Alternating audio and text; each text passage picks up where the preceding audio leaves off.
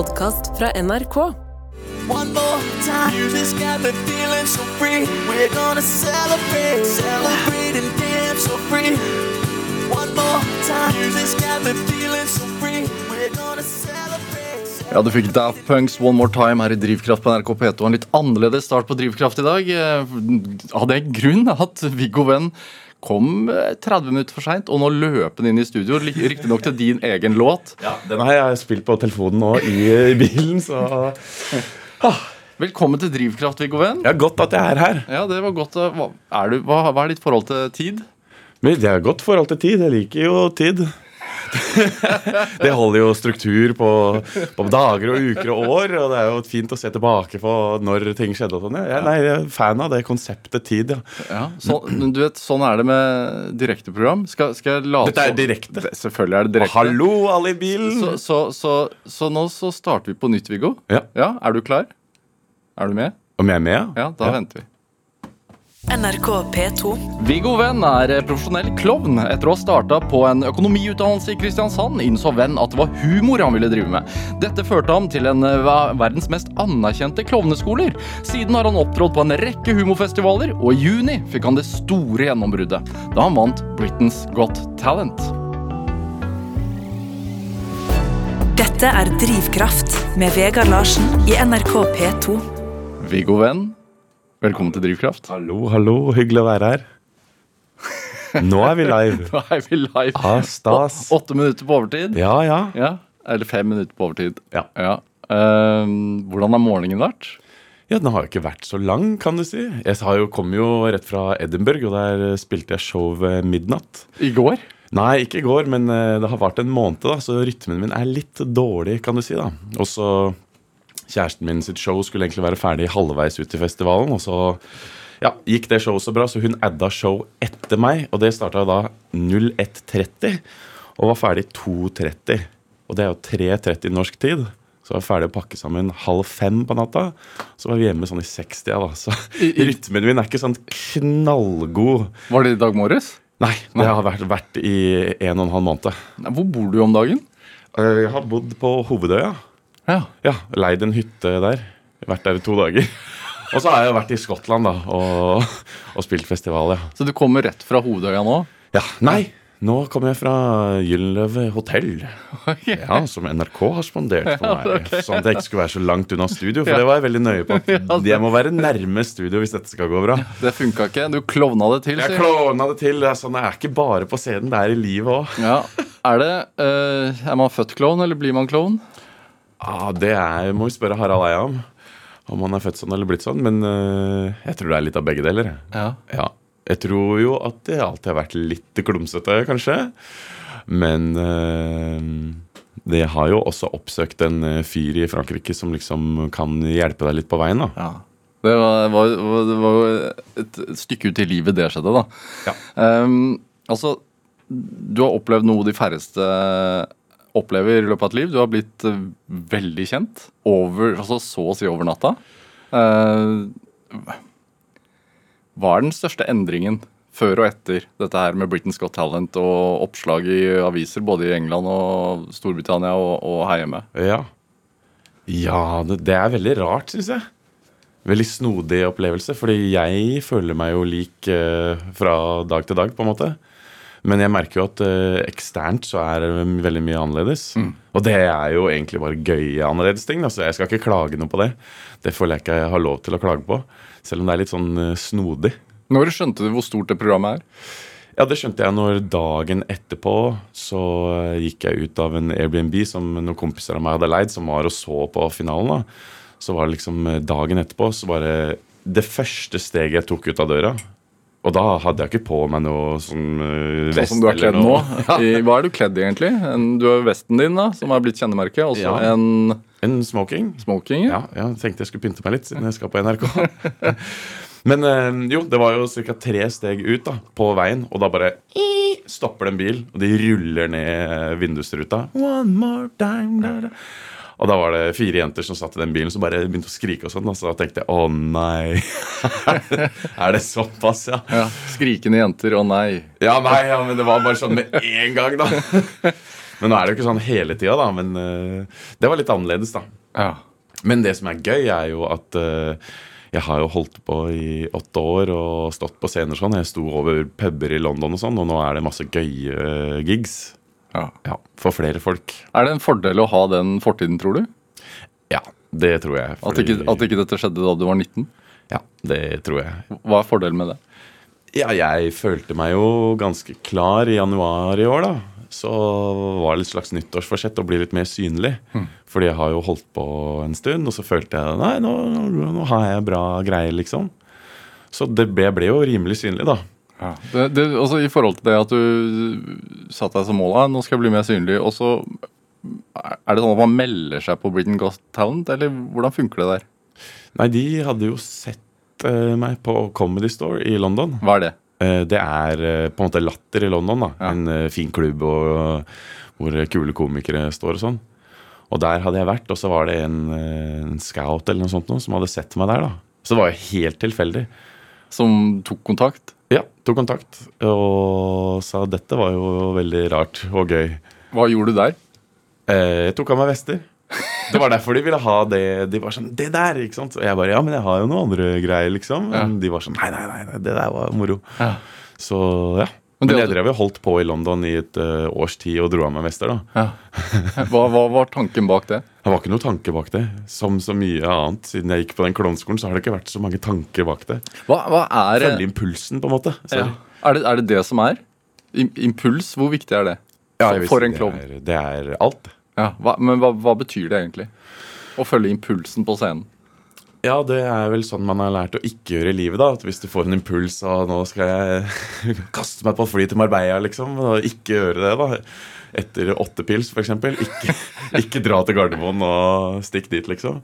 Mens på scenen så er det jo morsomt da å se noen som følger impulsene og leke med publikum, som er veldig til stede med publikum. Hvordan, hva, hva, hva er forskjellen på en klovn og en uh, standup-komiker? Ja, en standup-komiker forteller jo om ganger det har gått dårlig. Mens uh, med meg så går det bare dårlig på scenen, på en måte. Det så vi jo her når jeg kom løpende inn ett minutt etter at vi var eh, på lufta. ja. Ja. Uh, Så det er kanskje forskjellen, at klovn er i øyeblikket, liksom. Ja. Mens en uh, standup-komiker forteller om det i øyeblikket. Hvor kommer den tradisjonen fra? vet du det? Det er litt vanskelig å si, altså, for det har på en måte alltid vært rundt. Det er jo noen som sier at det, det kommer fra, fra liksom vaudeville-showa i USA, og så er det noen som sier det kommer fra den franske tradisjonen, og så er det noen som sier det er commedia dell'arte, gateteatret i, i Italia. Men det er jo også Det har jo vært sånne klovneaktige, maskeaktige figurer både på Bali og liksom i eh, Nord-Amerika. I stammesamfunn, liksom, så er det alltid en gærning som, eh, som holder det ritualet, da. Og så hoffnarrene som man kjenner, og Ja, en, etter det så kommer liksom hoffnarrene og sånn, ja. Ja. Og så var det jo under Napoleon, så var det jo, så vidt jeg forsto, så ble det ikke, Var det forbudt med komedie? Det var et eller annet helt sånn sykt jeg leste en gang. Hvor det var eh, i hvert fall eh, Det blir pusha til gata, da. Og det var det måte, folketeatret, da, det som folk kunne le av. For det var ikke lov å holde på. Og i England også var det forbudt å improvisere på scenen. Er ikke det sykt? At det var ikke lov å improvisere. Hæ, Når var dette her? Jeg vet ikke, men Keith Johnson, han som liksom eh, er liksom gudfar for improvisasjonsteater, da, Ja. han skal vi se, han har vel gått bort nå. Han ble vel noen og 90 da, så i hans ungdom, da. Så hva da, 60 år siden? Da var det forbudt å improvisere under kongen, liksom. Så da måtte han organisere workshops, da, at det var en læringssituasjon for at de skulle få lov til å improvisere. Så det er jo helt nytt, det at jeg får lov å løpe rundt og være helt gæren.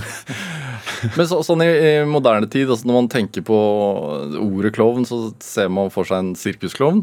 Men samtidig så er det jo masse uh, veldig anerkjente klovner. Uh, Charlie Chaplin var klovn. eh, Rowan Atkinson, altså Mr. Bean, var klovn. Uh, Sasha Baron Cohen, Ja. kjent som Borat, er jo også en klovn. Ja, han har jo gått på den samme skolen der, ja. Ja.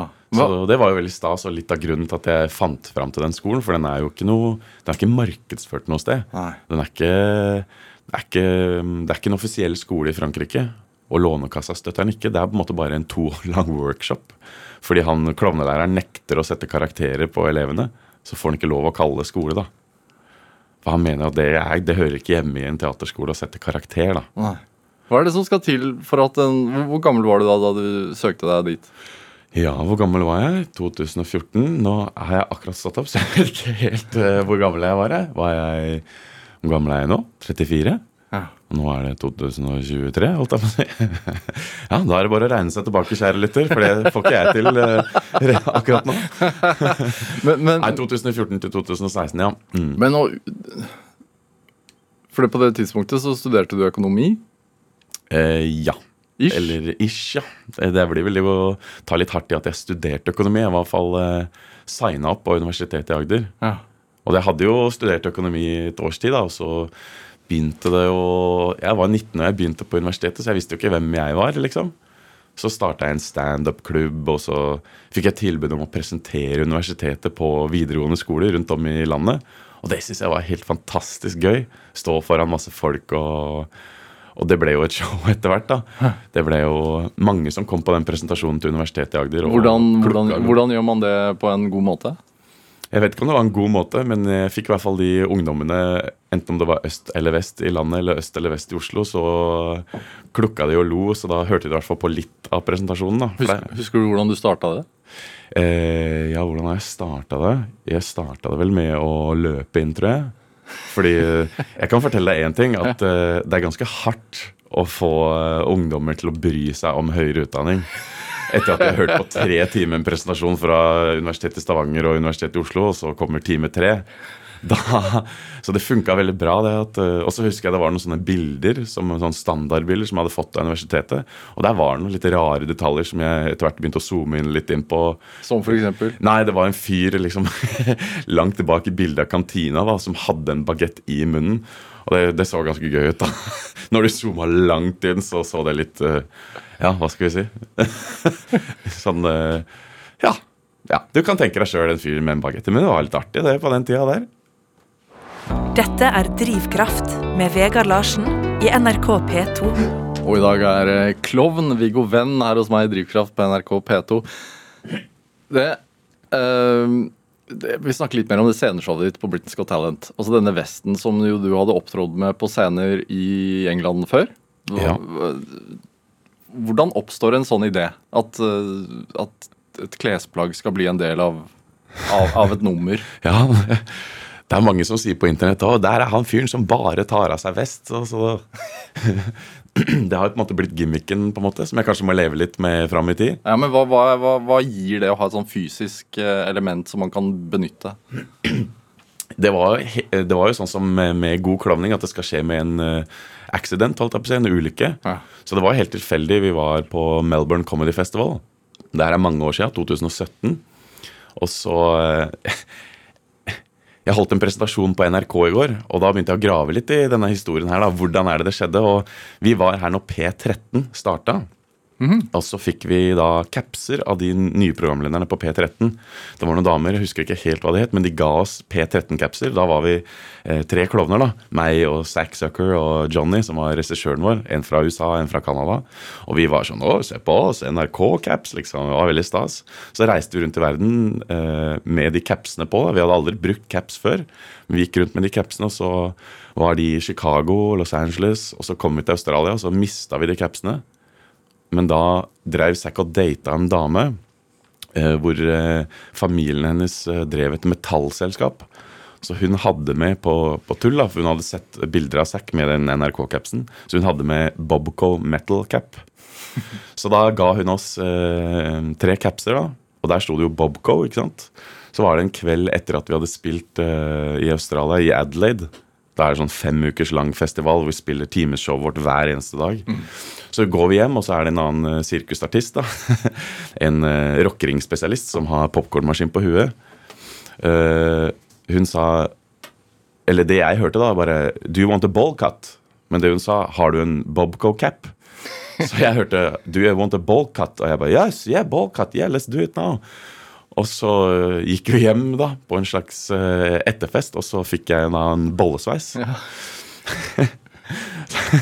Så da begynte vi å spille med den bollesveisen, og så hadde jeg den Bobco-capen. Og så tenkte vi det er litt artig at det er metallselskap, da. Så fant vi noen gule vester bak i venuen, og så bare tok vi på de, og så haha, det var jo artig, det passer jo, nå er vi metallarbeidere, liksom. Og så ble vi ikke invitert til den eh, liksom hovedartistfesten med alle de store standup-komikerne i Australia.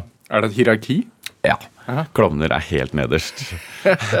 Vi er under stripper og tryllekunstnere. Fordi der var jo liksom eh, la oss si Dagfinn Lyngbø-gjengen, på en måte da, de aller beste i Australia. Og så var vi ikke invitert dit. Så tenkte vi ja ja, vi kan prøve å gå inn med de gule vestene. da. Og da spaserte vi jo rett inn. Så da ble det jo en litt sånn eh, De lo godt av det, de liksom flotte folka. da, Der er de idiotene som så De er helt ærlige på at de sneik seg inn med de gule vestene, og vi fortsatte jo å gå med de resten av den artistfesten. da. Hvorfor er kloner nederst? Hvorfor kloner jeg nederst? Ja. Prøv å reise rundt med et klovneshow og si til folk Hei, har du lyst til å se et klovneshow? hva skjer da? Nei, hva, hva er ditt inntrykk av ordet klovn, da? Nei, det er som jeg sier da, det er, Man tenker jo med en gang sirkusklovn. Ja, ikke sant? Store sko og sprute vann ut av en blomst. Rød nese. Og, ja. Ja. og eh, folk tenker sånn, det er mange som er redde for klovner, og barneunderholdning og ballonger og sånn. ikke Ja. sant? Det er jo ikke noe som frister på en humorfestival, på en måte. Så det er jo Men det som er fint med å være nederst på rangstigen, da, er at man er litt fri. Og det var jo derfor man kunne være med kongen, fordi tradisjonelt sett så var det liksom de eneste som kunne fortelle sannheten til kongen. da. Hvem er det i kongeriket som, som snusker og ikke er, eh, gjør de riktige tinga, på en måte? Fordi klovnen var allerede nederst og kunne være med kongen. da. Ja. Ja, er, det, er det en bryter? Altså jeg, så, jeg så et intervju med deg på Dagsrevyen rett etter at du hadde vunnet i, i, i England. Eh, hvor du ja, Det var ikke noe sånn spesielt Var- godt intervju, følte jeg. da. Det var et veldig snodig intervju. Det er et av de rareste. For da, da fikk jeg inntrykk av at du fremdeles var i, i klovnerollen. Ja, altså jeg hadde jo, For det første hadde jeg jo vunnet dagen før øh, og sovet i én time. Og så hadde jeg sagt nei til Dagsrevyen øh, da, fordi jeg skulle spille et show. Og sa nei, det tar, tar 15 minutter, liksom. Og så når det opptaket skjer, så er det ca. 15 minutter til jeg skal gå på scenen. Og det tar meg ca. 20 minutter å ta på alle vestene. Så jeg var litt stressa akkurat da, men de var sånn Nei, nei, vi gjør det, vi gjør det. vi gjør det Og så var det jo live òg, og så funka ikke kameraene, så de måtte filme det på mobil NRK filma det på mobiltelefon. Så det var litt hektisk, da. Men da var jeg kanskje litt uh, i hundre, ja. Hvordan Men jeg skulle bare fortelle det med vestene, da. Ja. For det er en morsom historie. Når jeg kom tilbake til Norge, så hadde jeg bare Det var lenge vi bare gikk rundt med én vest, og vi tok det jo inn i showet i Australia, fordi vi ble liksom litt småkjent da, for de folka med vest.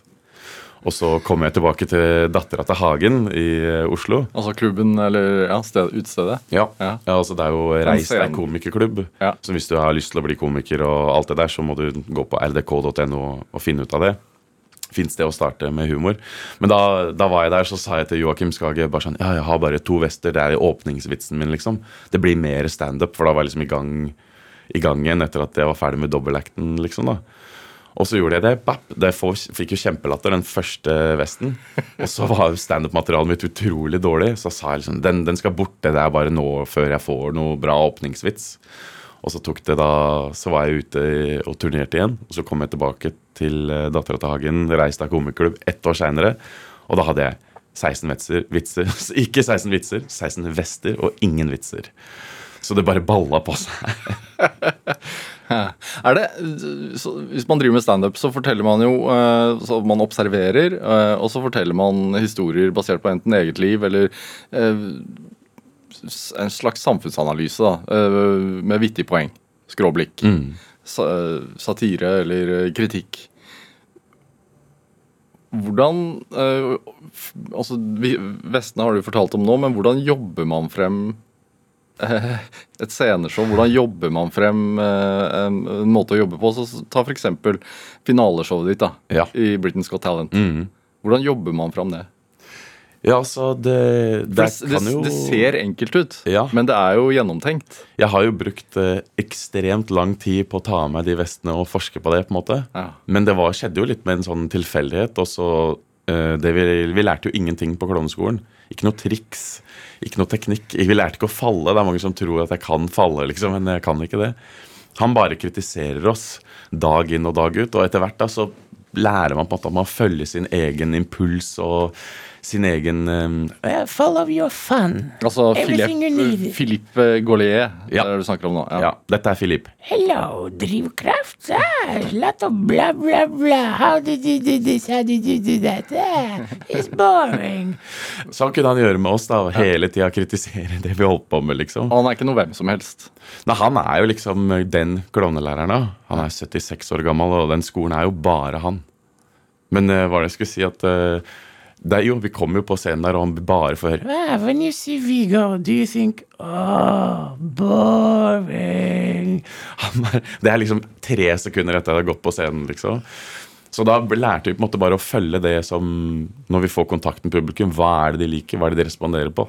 Så det at de responderte på den første vesten på, Når jeg tok av, når jeg hadde, tok av én vest, og så var det en vest under, så hørte jeg Philip sin stemme bare I something, no? Og da må man gå mye videre. Man må glemme sine egne ideer og gå dit publikum vil. da. Ja.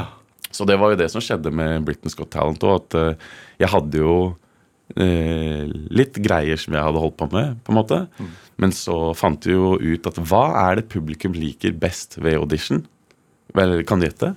Ja, det var vestene, da. Nja, eller jeg følte at det var noe annet som folk hang seg veldig opp i etter audition. da. Ja, Ja, det er jo at Simon Cowell ikke likte det. ja selvfølgelig. Ja. Og det var på en måte Vesten er jo et nummer som jeg visste var gøy, for jeg hadde gjort det mye på scenen. og sånn, Men folk var veldig opptatt av at han ikke likte det. Så tenkte jeg Åh, der er, det er leken eh, vi må leke. Eh, fordi Philippe er jo opptatt av the game, eller le jeu, som liksom er hovedteorien i hans teaterteori. da. Hva er det for noe? Hvis det er noen skuespillere som hører på, Ja. så er det jo eh, Ja, det er jo le jeu, the game, at um, Vi hadde jo Shakespeare, for eksempel, på, på skolen. Men da er det jo en tekst som eh, Shakespeare, eller hvem nå enn det var, skrev. Og så må på en måte skuespillerens oppgave å finne en lek inni teksten eller på scenen. da. For eksempel. For eksempel um, ja, jeg spilte Romeo og Julie. Det var jo ekstremt dårlig, men da var det på en måte bare leken med at eh, vi aldri skulle møtes med blikket. eh, meg og Julie, liksom. Og da blir det en lek som publikum kan på en måte bli sugd inn i scenen av. Sånn at vi aldri ser på hverandre, f.eks. Det er bare en lek mellom meg og den andre skuespilleren som gjør at vi koser oss på scenen. da. Og så blir det da unngå, unngå, unngå i fem minutter, og så, da, så ser vi på hverandre. Og så da er det noe Ja, en liten lek, da. Så jeg tenkte at leken er at Simon ikke liker meg. Det betyr at i semifinalen så skal jeg gjøre mitt materiale, men jeg skal også sørge for at absolutt alle i det rommet har, får en refleksvest. Bortsett fra Simon Cowell. Hvordan har du merket at altså, Oppmerksomhet er jo én ting, men har du øh, følt på øh, en ny form for respekt? Ja, altså Komikerne var jo allerede glad i meg. da Visste at jeg var en surrete type som var ålreit og, og hadde noe morsomme greier. Eh, men nå er det jo mange Ja, mer respekt, men også mer hat, på en måte. Hvordan hatt? Nei, bare på internett er det jo mange som klager på at jeg er nordmann, da. Ja. Jeg skjønner jo det. Ja, de I det. brexit Storbritannia, liksom. Ja. Og da, jeg pleier å ja, så er det mange som sier han har jo ikke talent. Og det, jeg forstår jo det, for jeg prøver på en måte så godt jeg kan å late som om jeg ikke har talent. på en måte. At det var alt bare, at jeg er bare en fyr som har dukka opp der og drar av meg vester, liksom. Hvorfor tror du han var så kritisk i starten? Simon? Mm, det er jo, Jeg tror han har på en måte helt rett. Det er alle som ser det første klippet. Det ligger jo på YouTube. Og jeg anbefaler, hvis du skal se de tre, så er det kult å starte med den første, for da ser man konteksten med, med alle de dommerne som er superkjente folk. ikke sant? Eh, det er jo på en måte meninga at det skal bli så dumt at det ikke er gøy, og så blir det gøy. Min plan, da, eh, hvis jeg kan fortelle det Jeg har ikke sagt det til så mange, men min plan var jo Og jeg tenkte jo at eh, de kom til å synes det var ekstremt irriterende. Og når jeg ble eksa ut, fikk fire sånne eh, eh, eh, Ja. så skulle jeg eh, liksom gå sånn trist ut, og så bare nappe av til den røde vesten. Som en slags overraskelse. liksom, Yes, jeg visste hva dere kom til å føle. på en måte. Men de ble jo så opphengt i det greiene her at de var sånn Etter at jeg var la, skulle late som jeg var ferdig, så spurte de er det mer. Er det mer? Så da dro jeg liksom de hemmelige fire ekstra lagene jeg hadde, måtte jeg bare dra under opptreden. da. Ja. For det gøyeste er jo å gå og gjøre et standup-gig hvor det er en forventning om at jeg skal snakke, og så aldri snakke. ikke sant? Bare flere og flere vester. Og selv når jeg etter jeg hadde gått av scenen, så kom jeg på tre-fire ganger til, liksom. Så det var liksom eh, Jeg tror det klippet de fleste som ser det, er veldig skeptiske, helt til de ser Å ja! Det, er- det er bare det, og det kommer flere ganger etterpå, liksom. Hva er forholdet ditt til han i dag, da? Simon? Ja. Eh, nei, han eh, var veldig hyggelig, altså. han var ikke så ond, men han likte det jo på ordentlig ikke i det hele tatt etter den første. Altså. Men det var jo på en måte Det var, lærte vi også på klovneskolen, at eh, en, en komisk skuespiller er jo alltid Gjør det riktige, på en måte. Gjør det morsomme i teksten.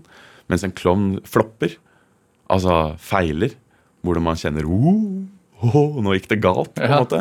Og så kan man på en måte redde, ved å redde seg ut av det, så ser man det menneskelige. da. At uh, alle gjør feil, og her er det noen som viser at de gjorde en feil. da. Ja.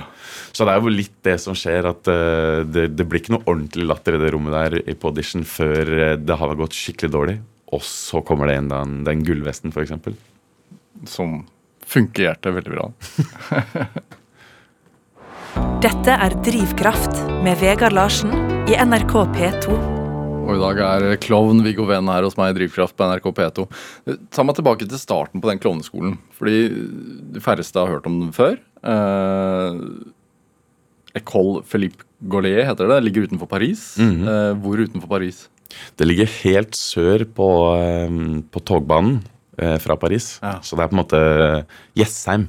Hva slags, altså, Er det et skolebygg, eller hva, hvordan ser det ut? Det er bare en uh, liten garasje. For han er jo liksom fri sjel, vet du. Han Philippe. Ja. Han var lærer på Le Coq, som liksom er der hvor den fysiske teatertradisjonen kommer fra.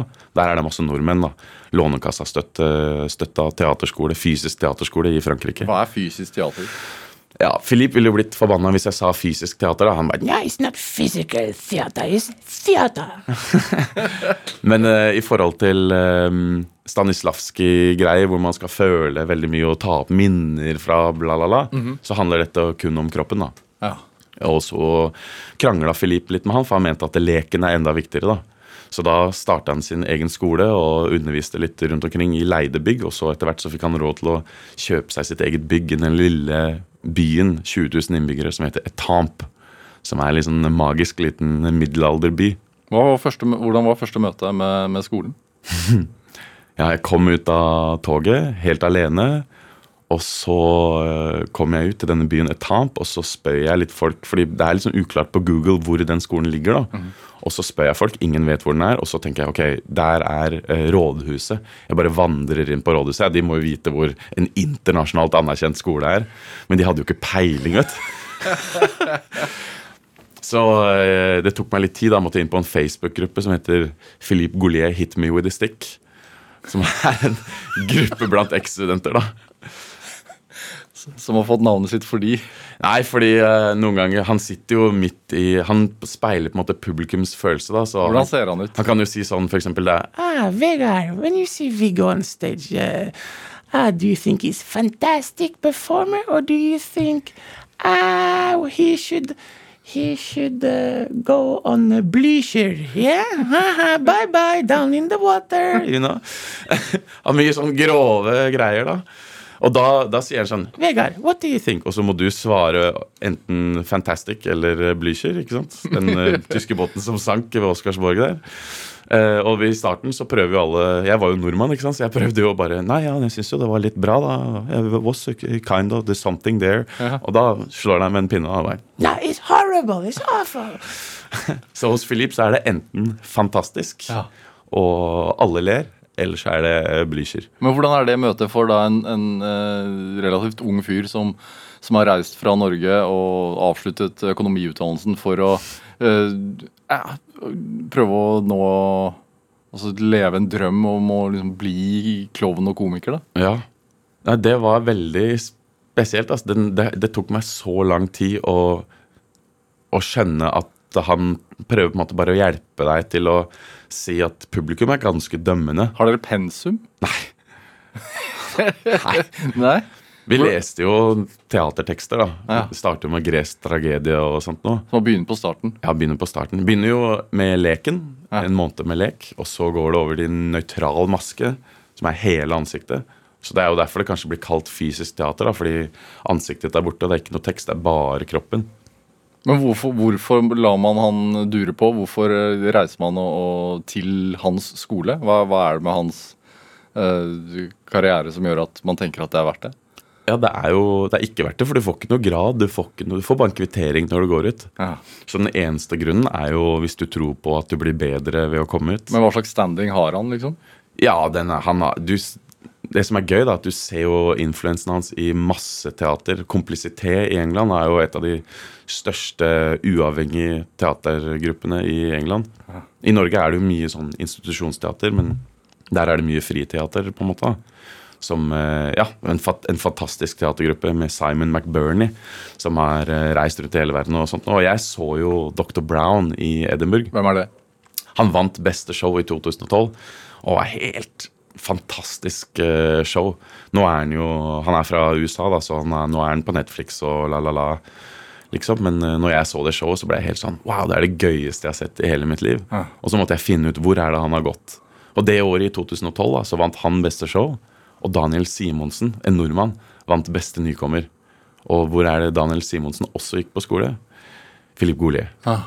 Og da ble jeg liksom veldig nysgjerrig på hva er dette her. Og så fant jeg ut å ja, Sasha Baron Cohen har gått der, ja. Det er jo den gøyeste filmen jeg har sett.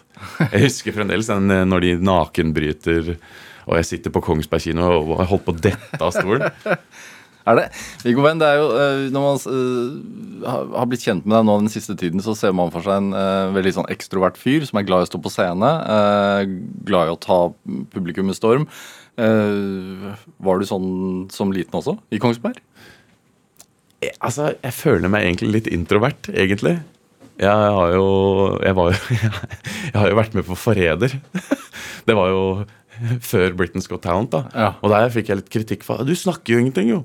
Og jeg bare Nei, ja, men det er bare personligheten min. Jeg er egentlig litt forsiktig, sjenert type, men Ja, Reality-programmet, eller konkurranseprogrammet Forræder som, som begynner på TV2 i morgen. Ja, det begynner i morgen, ja. Ja, Jeg gruer meg til Men eh, samme av det. Men eh, jeg er jo egentlig litt sjenert, da. Ja. Men på scenen, eh, etter to år i Frankrike, så kom jeg virkelig ut av skallet mitt. da. For etter hvert så begynte jeg å Når vi gikk fra hel maske til halv maske, så skjedde det et eller annet at jeg følte en sånn Jeg har liksom bare kasta alt. Eh, Jeg var klar for å gi opp. Jeg var et sted i livet hvor jeg liksom bare Nei, nå er jeg klar for å prøve noe nytt og gi slipp på alt. da. Og etter hvert da så kom det en slags frihet eh, på scenen. Jeg skjønte å ja, han lar deg være på scenen lenger hvis jeg gjør det jeg syns er gøy, på en måte. Og som bare, så lenge det får publikum med, så er han stille, han. Men hvis du kommer inn og har en eller annen kjedelig idé om hva du tror teater er, eller hva som er interessant, så bang! It's boring! Ah, Blücher, come here! Men, men eh, tilbake til liksom oppveksten. Hvem Hva drømte du om som barn? da? Hvem var du? Jeg var en ganske sjenert og stille gutt, jeg. Ja. Veldig pliktoppfyllende og, og snill. Ja. hvordan var barndomshjemmet? da? Ja, det var jo helt uh, fantastisk, det. Ja. Delt i to? Delt i to, ja. Fra- Mamma og pappa, men begge bodde i Kongsberg. eh, på en måte. Så spilte jeg basketball hver dag. og så, De er jo ingeniører, så derfor tok jeg matte og fysikk på, på skolen. Jeg husker jeg var inne på radiostudio på Kongsberg videregående og bare Å, det der er så kult, altså. Kanskje jeg skal gå media, liksom. Presenterte det hjemme og sa sånn Ja, men det er jo kjekt å ta matte og fysikk, da. Det er jo noen studier du trenger de faga der. Ok, ja, gjør det, da. Og så etter videregående så visste jeg ikke helt hva jeg skulle gjøre. Så gikk jeg økonomi, da, for det virka som en smart ting å gjøre. Jeg var jo flink i matematikk og sånn, men det var en sånn pliktoppfyllende, mm, flink gutt. Det tok lang tid før jeg Ja, jeg feila jo skikkelig på økonomistudiene, fordi jeg, jeg likte det jo ikke. Og så jeg holdt en presentasjon på NRK i går, da, som jeg nevnte.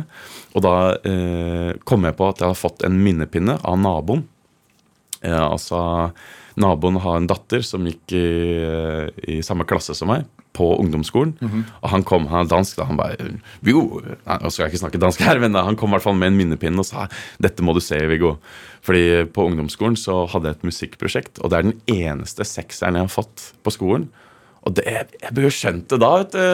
Vegard. Det er jo, fordi det musikkprosjektet så valgte vi eh, Du kunne spille musikk, eh, eller danse eller synge. Og da valgte vi dans, og da valgte vi Joe Cocker, You Can Leave Your Hat On. Og da strippa vi til den sangen, da. Så han kom med den minnepinnen her, og der var det en video av det nummeret. da, eh, Som vi gjorde fordi det, folk syntes det var veldig gøy, så det ble, vi gjorde det på vitnemålsutdelinga. Så da viste han den videoen, og hva tror du jeg gjør i den videoen, da? jeg Kler av deg, da. kler av meg, vet du. Og hadde jeg flere klær under? Hadde det. Så jeg har gjort den vitsen siden ungdomsskolen, og nå har jeg gjort karriere på den akkurat den samme vitsen. Hvor lenge kan man holde på det? Hvor lenge kan du holde på vestene?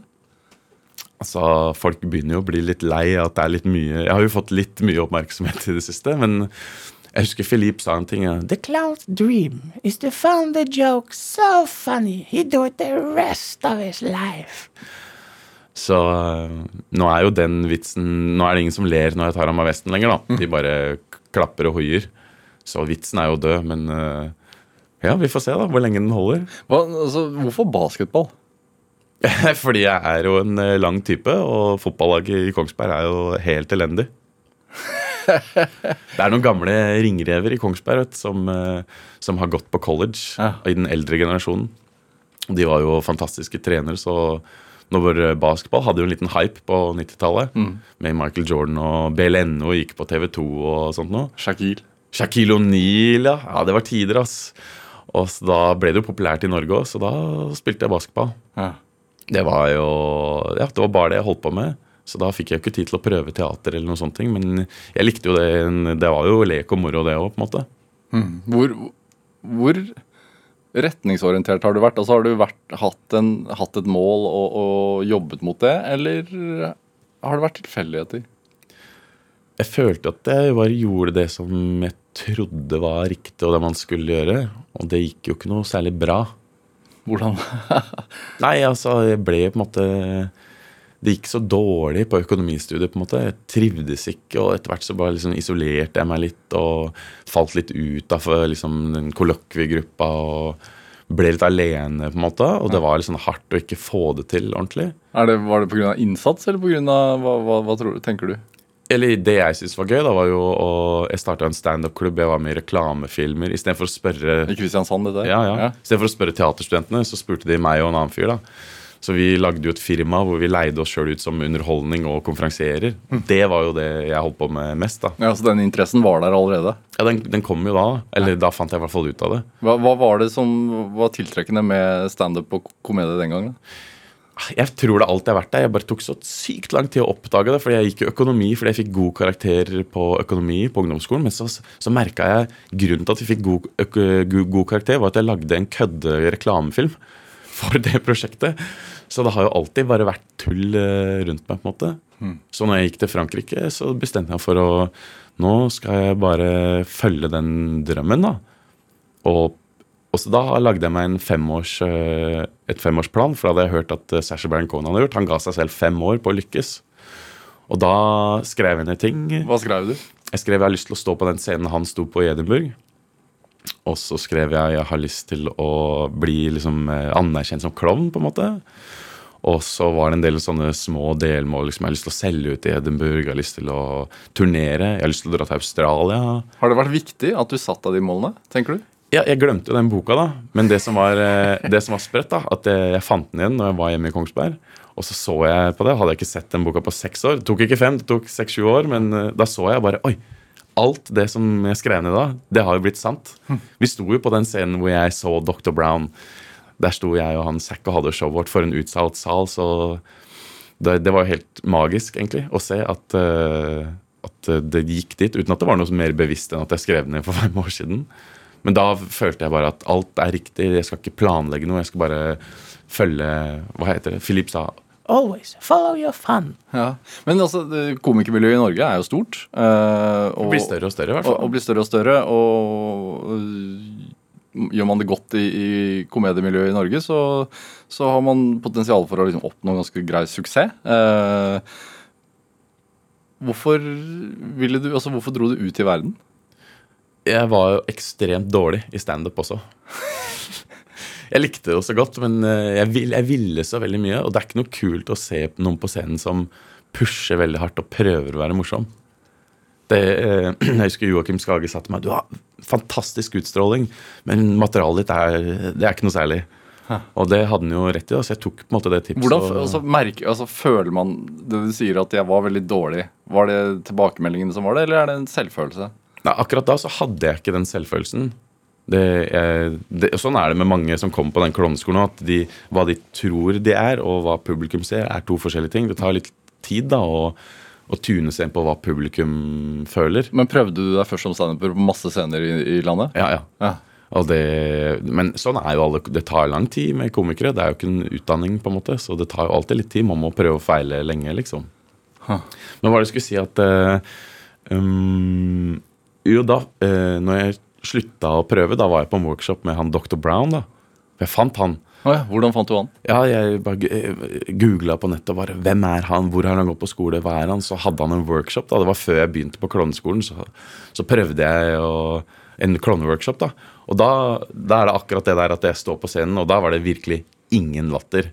Da hadde jeg vært der i tre dager på den workshopen ute på landsbygda i Wales. Og da sto jeg på scenen i 20 minutter, og alle sitter med henda i kors og bare øh. Og så sier han Dr. Brown da bare Viggo, do you see anyone laughing? Jeg bare, no. Try something, try something. Og så kjører jeg på med det jeg syns er gøy, da, men ingenting funker. Og da kjenner jeg liksom tårene komme, og bare Jeg vil det så veldig, da. Så satt jeg oppe den natta med en eh, gammel klovn fra Brasil som også var eh, helt elendig. Han var sånn 60 år gammel og har levd som klovn hele livet og jobber som klovn, da. Men med store sko og sånn. Og han også var ikke funny i det hele tatt. da Eh, og Han var litt sånn gammeldags klovn. på en måte Så jeg og han sitter og sipper ute på, ute på landsbygda midt på natta i Wales. da Du så deg selv som 60-åring? ja, da var jeg sånn Å, nei. Men det som var kult, er at eh, etter at vi hadde syntes så synd på oss sjøl og at vi måtte gi opp, og sånn, så ga vi på en måte opp. Og dagen etterpå så hadde jeg lyst til å dra. Jeg fortalt før, kanskje. Jeg vet ikke om du vet om det. Men eh, da prøvde jeg å dra fra den workshopen, da, men det gikk jo ikke noe buss, for vi var så langt ute på bygda. Så da ja, da hadde alle vært på scenen, da. Jeg var jo der ennå. Og så sier han doktor Brann ja, Viggo, du er sistemann, liksom. Og da var jeg sånn ah. Og når folk så at, det, at jeg ikke brød meg, på en måte, så begynte det å være sånn knising da, når jeg sa sånn ah. Og da Oi, der var det noe, liksom. Og så jeg bare Nei, I don't want to be here. Og det syns de var gøy, da, når de Når jeg liksom hadde gitt opp så veldig, da. Da klukka de og lo seg. Fordi da endelig hadde jeg greid å vise litt sårbarhet, da. Så det hjalp meg jo Det tok lang tid før jeg fant det tilbake, men da var det en liten smak av Oi, Hvordan føles den latteren? ja, det er helt nydelig. Det er den jeg lever for. Hæ. Den er helt fantastisk. Og da husker jeg kom eh, hjem til Oslo og var på Reis deg komikerklubb med Jonny K, ikke sant? gudfaren i norsk standup. Jonny Christiansen? Jonny Kristiansen, da. Og da Sorry hvis jeg babler på, men jeg, jeg syns det er så gøy, fordi da da tok jeg på meg flykapteinkostyme, hadde en fiskestang, og så gikk jeg rundt og bare kaffe, te. Og hvis de sa te, så spytta jeg vann på de, liksom. Og det, da lo kompisen min som satt i hjørnet. De hoppa daua latter, og ingen andre lo. Og da sa Jonny det, dette var jo ikke helt standup, liksom. Og da, da forlot jeg Norge etter det. Det med um, Det med Altså, jeg veit at det har vært mange år hvor du har uh, tjent uh, dårlig, sovet på sofaer, uh, tjent nok til neste billett. Når du vant nå Britain's Got Talent, så vant du en del penger. Mm. Hva, hva betyr penger for deg? Ingenting. Fordi jeg var allerede på Jeg var allerede langt inn i drømmen, jeg. Ja. Hvorfor er ikke penger noe, har ikke det noe verdi? Jeg har jo hørt fra mange folk at man blir ikke lykkelig av penger, det, men det stemmer jo ikke helt. da Hvis man har problemer med å betale regninger, så er det jo stressende, på en måte. Så jeg Har har, du, har du hatt det? Ja. det kan jeg jo si. Ja. Men øh, jeg kutta ut å kjøpe klær, kjøpe billig mat, ikke ha leie, f.eks. Jeg bodde jo ikke noe sted når vi var på turné. Nei. Så da bare kutta alle kostnadene da, for å greie å overleve av å selge billetter til et klovneshow rundt om i verden. Men er det da frihetsfølelsen som du etterstreber? Ja, og, og det at vi kan stå på scenen hver dag. Fordi i Oslo da på den tida så kunne man stå kanskje to ganger i uka. To-tre ganger i uka. Nå er det jo blitt masse mer scener, så nå kan man stå hver dag. Men vi var på utkikk etter å bli bedre og flinkere og finne publikum. Så vi var sånn, vi må gjøre alle de festivalene her, for da kan vi kjøre timen vår hver eneste dag. Så vi hadde jo fire år hvor vi sto på scenen nesten, ja, nesten hver dag. ja. Og da ble vi jo, merka vi jo sakte, men sikkert eh, mye, mye bedre. Ja, så Det er det, det som er vesentlig. Det å opptre. Det å få latteren. Mm. Ja, Å stå på scenen så mye som mulig. Og ikke få betalt. Ja, det er ikke noe Hva heter det? Det er sånn spuriøs connection. Ja, det, du kan vel få betalt også, ja. Vi prøvde jo å selge det showet. Og etter hvert, da, på slutten av festivalen, så var showet fulle. Fordi det gikk rykte om at showet vårt var det gøyeste på festivalen, liksom. Men vi var jo ikke noe kjente, på en måte. Men jeg vet du har fått eh, sponsoravtale. ja. Eh, kunne sikkert fått eh, noe annet, men du har fått sånn Refleksfest-sponsoravtale. ja. Ja. De, eh, I kontrakten står det 'Viggo skal få 1000 vester'. Ja. Så det fikk jeg. Som du selger. Ja, jeg selger som merch etter show og sånn. Som går til veldedighet. Ja, det går eh, litt til dem for å lage vesten, og så går det en bitte liten til meg. Og så går det til en eh, charity som heter Lighthouse Charity. Ja. Og, Som jeg syns er fantastisk eh, moro, da, for jeg møtte en fyr som jobber der. Og, og han var jo en sånn construction worker. Han jobba på byggeplass. Og så ja, gikk det veldig dårlig i livet hans. Han ble skilt med kona. Lurer på om det var noen som døde i familien hans. ja, Så han gikk på en smell. da Og så fikk han hjelp av denne organisasjonen. Som måtte hjelpe han tilbake i jobb da over litt tid. Og så begynte han etter hvert å jobbe der, og sånt, og så møtte jeg han, og så fortalte han at eh, ja, hvis du brekker beinet og ikke kan jobbe da, som construction worker, så kan du søke pengestøtte av denne foundation da, for å liksom, ja, få betalt regningen din. da. Så det var veldig kult. Så da går litt av vestsalget går til Lighthouse Charity. Ja. Jeg var veldig veldig stolt over det, da, siden jeg på en måte låner vesten. da. Det er jo mange ekte arbeidere som bruker vest. og så veit jeg at du har jobbet en del som sykehusklovn. Mhm. Hvorfor har du gjort det? Jeg hadde veldig lyst til Det er jo eh, det er ikke så mye klovneri i Norge, bortsett fra sykehusklovnene. Og det er en fantastisk gjeng med veldig flinke skuespillere. Jeg har sett et par av de på scenen før, og de er jo De har en sånn kvalitet og en aura som er helt fantastisk. Og så hadde jeg veldig lyst til å, å jobbe med de, og jeg er veldig glad for at jeg gjorde det, for det er en magisk, magisk verden. På hvilken måte? Nei, altså for Jeg er jo litt nerd på teater, på en måte. Så for det første så er det bare utdanna skuespillere som er der, og så er det en to år utdannelse. Nei. Så man blir jo veldig flink da, og får vært med mye flinke klovner.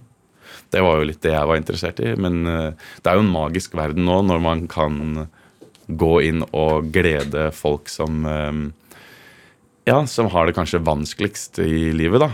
Hvilke Er det spesielle episoder du husker? Ja.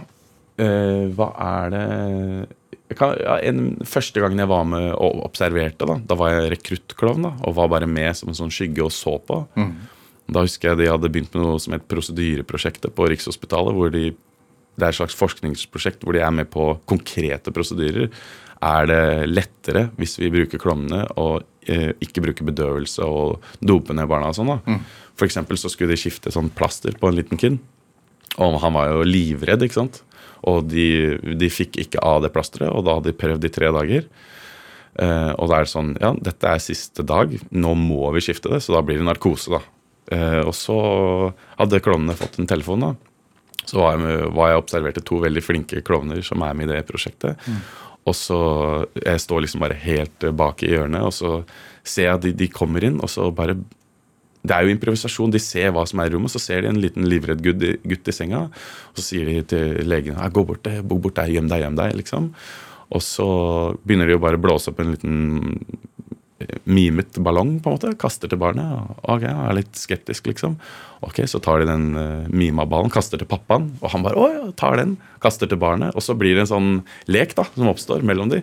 Og etter hvert, da, så ja, syv minutter senere, så står han kiden i senga og holder på å le seg i hjel. ikke sant? Så da har han på en måte kommet ut av den skrekken. Ja. Og så begynner de å kaste den ballen litt uh, nærmere, og sånn, så kommer legene, kaster det til legene, la, la, la, og så mens de driver og kaster ball, så tar sykepleieren tar av plasteret. Og så tar de på et nytt plaster. Kjempebrannskade på magen. da, som ja, Han merka ikke at det tok han engang. For han var jo Michael Jordan. Og hvilken følelse fikk du da? Jeg, bare, jeg, bare, jeg visste ikke at det gikk an å få til noe som var så brukende. Skjønner du? At det var på en måte Det er gøy å få folk til å le, og det er gøy å få et lite barn til å le. Spesielt når han er syk, liksom. Men det var kult at, eh, at de liksom løste et slags problem. Da. Det syns jeg var veldig fascinerende. Og så begynte jeg å jobbe der og hatt ja, tusenvis av møter med, med kids som er helt fantastiske. Som eh, ja, Kan jo ikke fortelle helt konkret, liksom, men eh, men uh, veldig mange kule og spennende og morsomme møter. Jeg husker jeg liksom hang i en gardin på sjukehuset i Skien, hvor denne lille kiden bare Ja, den latteren der når de liksom har blitt fortalt Du, han har ikke smilt på tre uker, liksom, for han har vært sengeliggende, liksom. Hvorfor tror du at det er så viktig for deg å få barn, men også uh, folk i publikum til å få det bedre? For det får man jo når man ler. Hvorfor er det viktig for deg? Det er et godt spørsmål. Det var jo veldig viktig for meg, da. Eh, fordi jeg var liksom litt nede for telling. Etter liksom å faila skikkelig, da. Ja. Og så ja, døde onkelen min, som liksom var morsom i familien også. Og så jeg var litt lost i livet, og så så jeg et show som var så gøy, som bare Det muntra meg ja, det muntra meg skikkelig opp. da. Jeg fikk liksom Ja, fader, altså. Det er mye glede i livet, på en måte. Ja. Som man kanskje Ja, trenger å bli minnet på noen ganger. Det er jo en det er jo underholdning. altså Det er jo en slags escape, på en måte. Ja. Men det er jo fint med klovneri at det er bare positivitet. på en måte. Ja. Jeg tror det er derfor det fungerer på sykehuset, fordi det er ufarlig og, og bare glede og lek. da. Og så er det ikke så mye om oss, det er mer om publikum i klovning. Og på sykehuset er det jo enda mer De sier at du må ha antennene enda lenger ute, fordi det er mer hva slags stemning er barnet i, liksom. Så det er jo det som er fint, at det handler ikke om eh, jeg er stjerne. Sånn som Britain Britain's Got Talent òg. Det handler jo ikke så mye om meg. Er det et kall å være klovn, tenker du? Ja, Ja. vi kan vel si det. ja. Fordi eh, Ja, kanskje det er det. Jeg føler jo at jeg har muntra opp Storbritannia. Ja. Veldig. Fordi det som er kult med de som har ekte talent, det er jo noe ingen får til. Men mitt talent, det kan alle glede seg med. For eksempel så har det vært eh, masse masse skoleavslutninger i England hvor masse kids står og veiver den vesten over huet. Og da, da ser jeg at selv om ikke jeg er der, så skaper det masse masse glede. Hva gir det deg, da? Jeg blir fantastisk glad av å se det, og jeg ler meg jo skakk at folk i bryllupet sitt kjører One More Time rett etter at du kyssa bruden. Det er jo helt sinnssykt. Det skal jeg ikke ha i bryllupet mitt, altså, men jeg er veldig glad for at de koser seg med det. Endelig er det et talent som alle får til. Ja. Viggo Venn, hva er drivkraften? Det må vel være å få folk til å huske at eh, det er mye glede i verden. Da. Det er fint. Viggo Venn, tusen takk for at du kom til Drivkraft. Tusen takk. Hør flere samtaler i Drivkraft på nrk.no eller i appen NRK Radio. Send oss ris eller ros, også tips til mennesker som du mener har drivkraft. Send en e-posten til drivkraft.krøllalfa.nrk.no. Vi hører veldig gjerne fra deg. Produsent i dag det var Kjartan Aarsand, mens eh, Melody Holst Talebi bidro med research til eh, denne sendingen. Men dette, dette var Drivkraft. Jeg heter eh, Vega Larsen. Vi høres. Du har hørt en podkast fra NRK. Hør alle episodene kun i appen NRK Radio. En podkast fra NRK. Hvem var den danske prinsen som var villig til å gi alt for Norge? Bli bedre kjent med historiens største personligheter. William Shakespeare. Hvor mye kan vi vite om livet til mannen bak teatrets største klassikere? Eva Perón trossa de fattige kårene hun vokste opp i, og ble hele Argentinas Evita. Hør historiske kjendiser i appen NRK Radio.